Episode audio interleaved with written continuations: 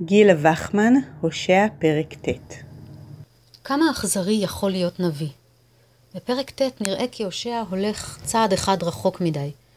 הוא אינו מסתפק בדברי תוכחה ובנבואות זעם, אלא פונה אל הקדוש ברוך הוא ומבקש, תן להם רחם משקיל ושדיים צומקים. פסוק י"ד. פנייה זו, המבקשת כי נשות ישראל יאבדו את פרי בטנן לפני או בסמוך ללידה, אכן נראית מזעזעת. המדרש מבקש לתקן את הרושם. אומרים על הושע ועל אליהו אכזריים היו. חס ושלום, לא היו אכזריים, האכזרי היה מציל. הושע אמר, תן להם, אדוני, מה תיתן? תן להם רחם משקיל ושדיים צומקים. ברחמים אמר כך. למה הדבר דומה? לאדם שנידון, ונכסים שלו לטמיון. עמד אוהבו וביקש עליו ופייסו.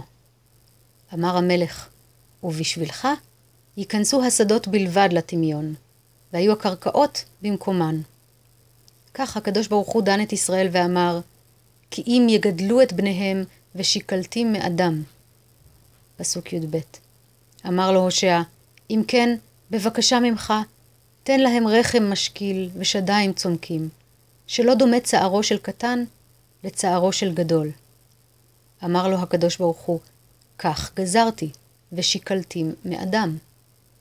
כשראה הושע שאין הקדוש ברוך הוא שומע לו, בא אצל ישראל ואמר להם, הרבה ביקשתי ולא נשמע לי, לכן אתם בקשו על עצמכם, שאינו מחזיר אתכם ריקם.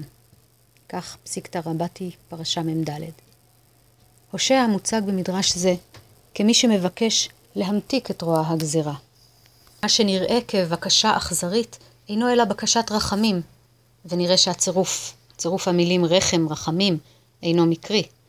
במקום להמית את בניהם בבגרותם, המת אותם בעודם תינוקות. אבל אלוהים מסרב, ולהושע לא נותרה ברירה, אלא לפנות לעם שהתחנן על נפשו. קשה שלא לתהות לנוכח המשתמע מן המדרש הזה. אם הושע אינו האכזרי כאן, מי כן?